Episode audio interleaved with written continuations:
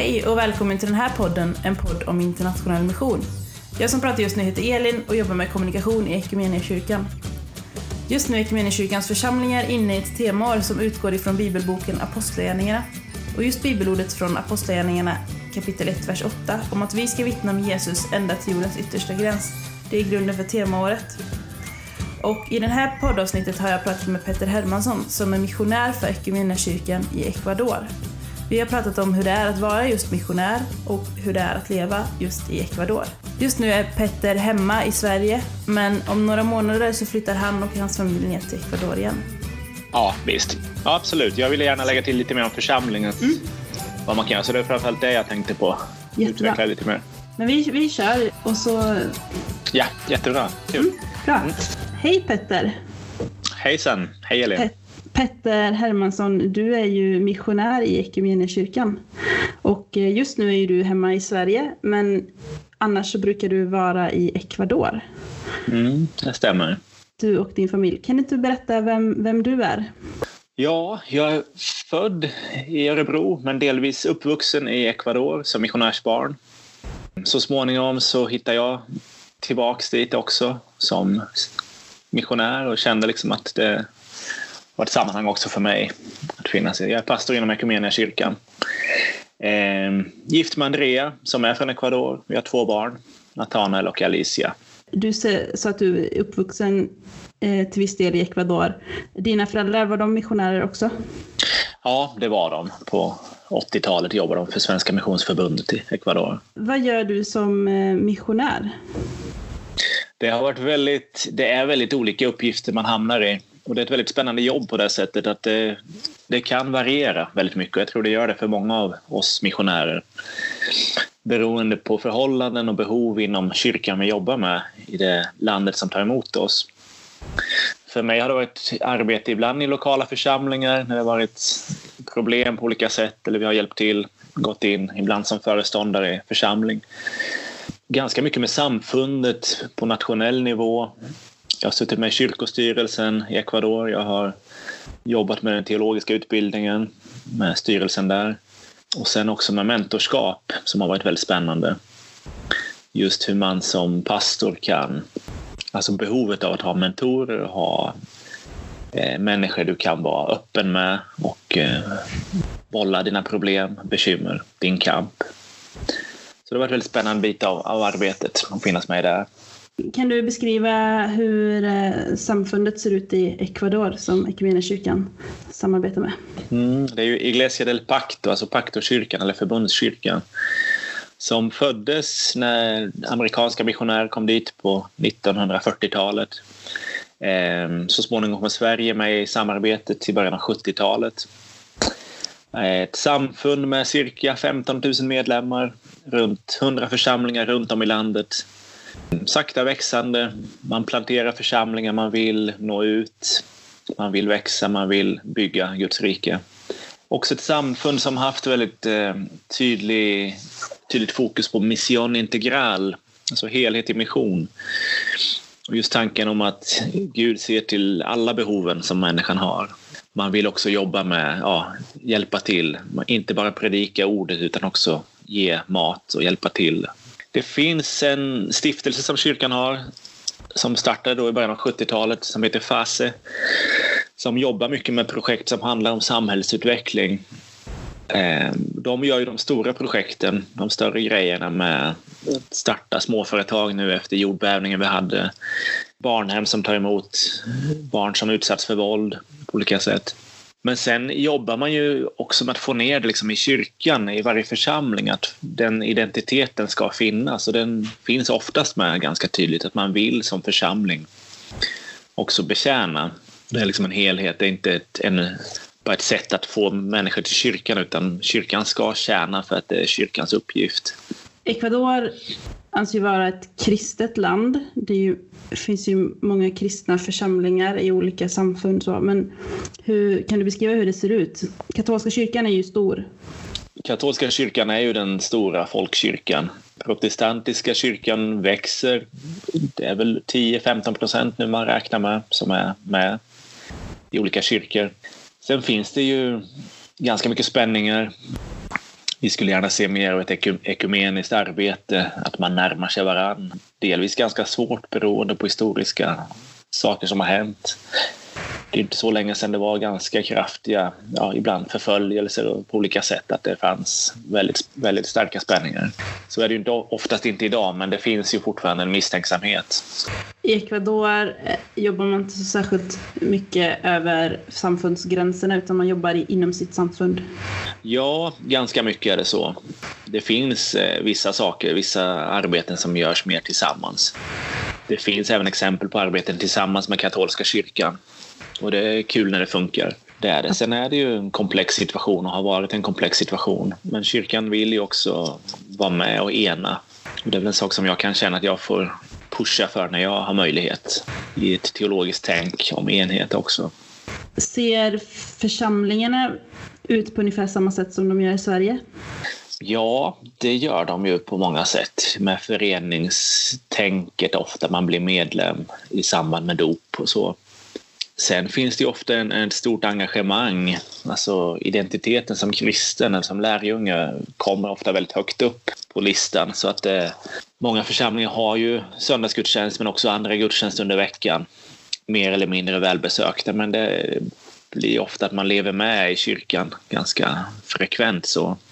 Är det så att eh, man kanske tränas an, mer annorlunda än gentemot Sverige när det kommer till lärjungaskap och att berätta om sin kristna tro?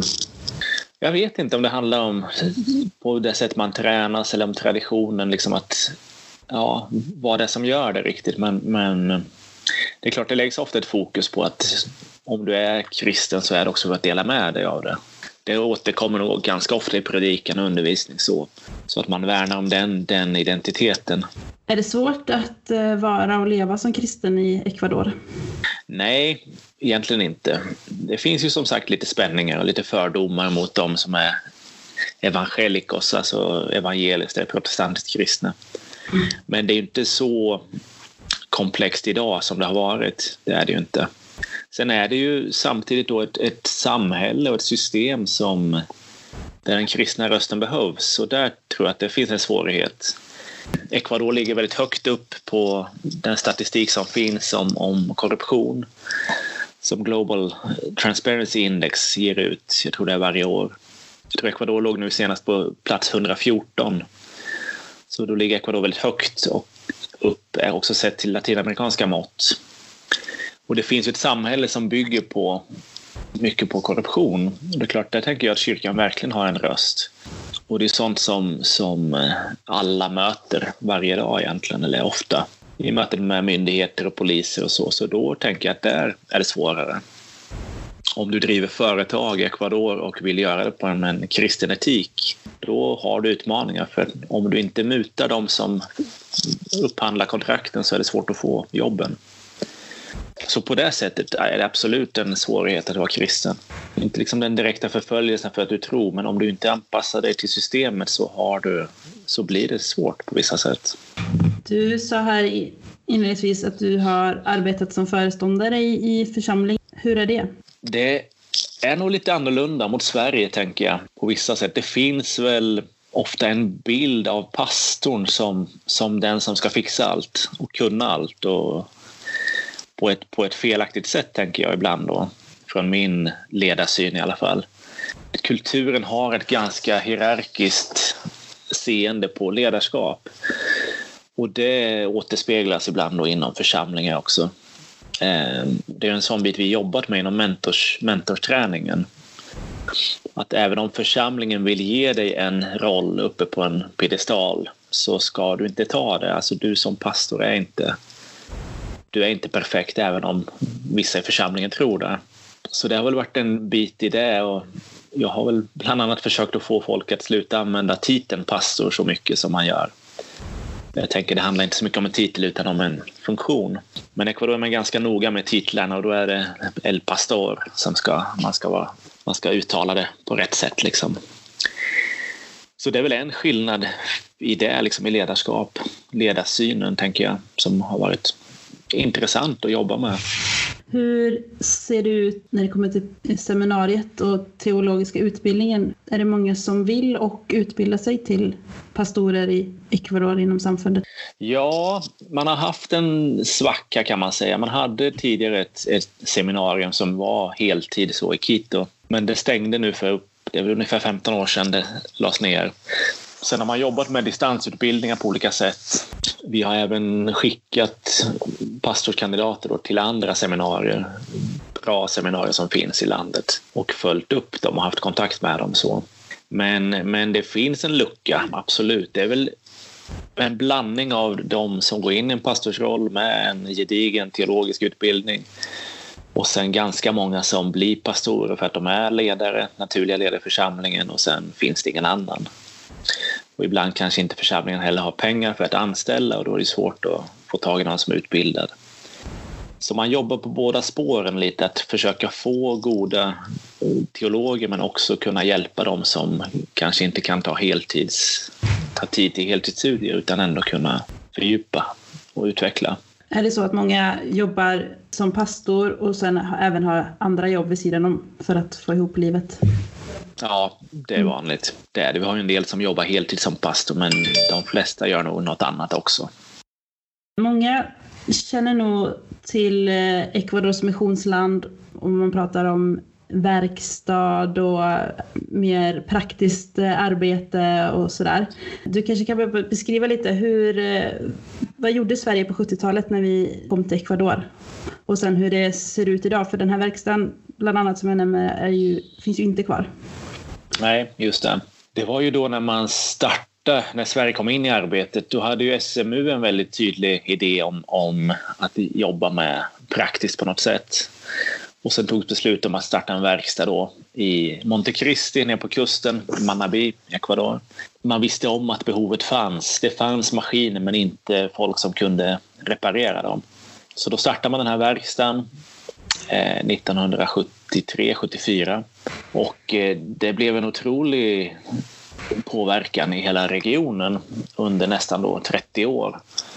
Då många utbildade sig till verkstadsmekaniker på den den verkstaden, då, yrkesskolan som fanns. Jag träffar folk ännu idag som nämner att de är formade och utbildade och så tacksamma till kyrkan och till Sverige, till svenska missionärer som var med och jobbade. Sen fanns det ju parallellt också många av de som jobbade som, som ville förkunna och dela evangeliet, berätta om Jesus. Så så småningom blev det att man också planterade en församling som sen tog en utmaning att plantera fler församlingar. Så i regionen nu i Manavi finns det väl sex olika församlingar som på ett sätt är frukt av det här arbetet med verkstaden. Verkstaden finns inte kvar men identiteten finns kvar tänker jag att, att betjäna. Och jag kan ju nämna när vi hade jordbävningen då 2016 så var det självklart inom våra församlingar att nu ska vi se på vilket sätt vi kan hjälpa till med mat och vatten och sjukvårdsteam och terapeuter och allt möjligt. Projekt på lång sikt också. Och jag vet jag träffade pastorer från andra kyrkor som inte alls hade det tänket. Utan det handlar bara om att eh, prata om Jesus då i en, en period det var ganska känsligt för det var så mycket rädsla och oro efter det som hänt. Så jag tänker att det är på ett sätt en frukt av en, en, ett missionstänk som handlar om att betjäna. Vad gör Sverige konkret idag i Ecuador? Eh, vi har, vi har ju inte verkstaden som sagt var, men eh, Sverige bidrar i andra projekt. Kan du beskriva något? Ja, man jobbar ju och bidrar till, man stödjer några av skolorna som kyrkan har och driver i fattiga områden, framförallt i Guayaquil och uppe i bergen, uppe i Cayambe. Så vet jag att det finns svenskt stöd till det. Sen blir det ibland projekt som uppstår som får svenskt stöd. Eh, nu finns det ett projekt som handlar om, om våld i nära relationer där det också finns ett stöd från Sverige i det. Där man jobbar nu i Manabi på kusten just med den problematiken som är väldigt stor i Ecuador. Sen finns vi som missionärer då när vi är ute, Gunilla Eliasson som är där nu. Och eh, då blir det här ganska varierande arbetet också, att finnas med där kyrkan behöver oss. Även om vi går in i specifika uppgifter så finns vi lite som hjälpa till liksom på samfundsnivå på olika sätt. Med utbildning, med olika bitar. Och det är också ett stöd som Sverige ger då genom våra, våra närvaro. Om vi pratar om, om församlingarna i Sverige, hur kan församlingarna här i Sverige engagera sig så att det når ända ut i världen och ända ner, till Ecuador? Det är ju en utmaning och en väldigt viktig sådan idag. Just ett, ett missionellt tänk, om man tänker mission som identitet och inte bara en aktivitet så är det ju som församling, hur är vi missionella där vi är, där vi befinner oss? Och jag tänker att det kopplas också till att leva med en blick ut över världen, alltså en global förståelse av kyrkan för att det ska bli riktigt bra. Man kan inte bara jobba i sitt kvarter utan kyrkan är global och det berör oss alla. Så jag tror att det är viktigt att ha ett missionellt seende också med ett globalt perspektiv. Så. Och det tänker jag att det är viktigt att slå vakt om också idag då det finns tendenser som talar om stängda gränser och, och liksom att se det lilla sammanhanget istället för det stora globala. Och kyrkan har ju en helt annan identitet och den, den hotas på ett sätt. Det blir ofta att det politiska påverkar också kyrkan. Så det är viktigt att slå vakt om. Och jag tänker det är praktiskt, liksom, vad kan man göra som församling och som medlem? Ytterst handlar det om att som medlem också vara och vilja vara en missionell människa. Det kan inte bara vara en, en, fråga om dokument på samfundsnivå utan att vi var och en tänker att jag vill vara del av det här. Och jag tror att eh, bönen, leva med det, be för det som händer, be för den globala kyrkan, be för våra systerkyrkor. Eh, det ekonomiska förstås, det finns större behov där än här på många sätt, en svagare ekonomi vara med och ge och stödja på det sättet också. Sen kan det vara att man hittar sätt inom församlingen att, att leva med perspektiven. Jag tänker missionskommittéer eller då och då informera om vad som händer, lyfta speciellt i en gudstjänst. Kanske inte bara som ett bönämne utan lite mer information och bilder. Det här, så här ser det ut i Ecuador, så här ser det ut i Kongo och vart det nu är. Jag vet församlingar som sätter budget där man sätter en viss procent som hela tiden går till mission. Det är också ett sätt att hela tiden leva med frågan eller identiteten. Sen kan det vara jag vet någon församling som sätter budget för att kunna låta pastorn åka på missionsrelaterade uppdrag vartannat år eller något sånt. Till exempel ut och undervisa på APG 29-skolor. De här lärjungaskolorna, missionsskolorna som kyrkan gör tillsammans med sina systerkyrkor. Och det är ju ett fantastiskt instrument som vi har för det är för att se mission och smaka på mission. Det blir väldigt, väldigt praktiskt och det tror jag, det behövs. Det behövs. Man behöver driva de här frågorna. Kan man eh, kontakta dig om man vill veta mer om Ecuador eh, och om man har en specifik fråga? Eller hur, hur, hur hittar man mer information om, om just vårt arbete i Ecuador? Ja, man kan kontakta mig. Ehm, det finns ju en del på hemsidan om vad vi gör, vilka projekt vi står i. Där finns också länkat någonstans till vår blogg.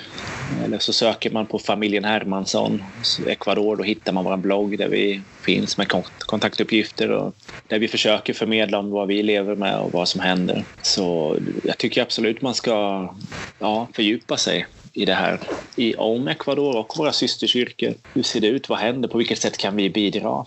Det är en väldigt viktig del och det är ett ansvar vi har tagit gemensamt som kyrka. Bra uppmaning där att vi ska fördjupa oss. Är det någonting annat du vill tillägga där eh, hur vi kan engagera oss? Om man ska ut och resa, det kan man ju försöka låta bli förstås. Det är ju sådana tider, det är ju verkligen värt att ta klimathoten på allvar. Men låt säga istället för att åka någonstans och bara turista, åk och besök en systerkyrka samtidigt. Passa på att om du reser så låt det bli dubbelt syfte med det. Mm. Och se, liksom, få en smak av vad som händer runt om i världen. Bra tips. Jag brukar avrunda de här samtalen med att ställa fem snabba frågor, så jag tänkte att jag ska göra det med dig också. Min första fråga är favoritplats på jorden? Då säger jag vår sommarstuga Labacka här i Sverige. Det är speciellt att komma dit. Fråga nummer två. Mest lyssnade låt på Spotify?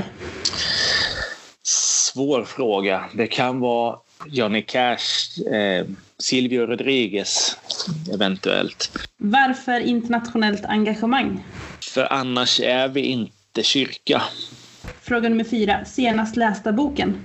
Um, Pastor in the Shadow of Violence, en bok om en avhandling om Gustavo Gutierrez, en studie jag håller på med.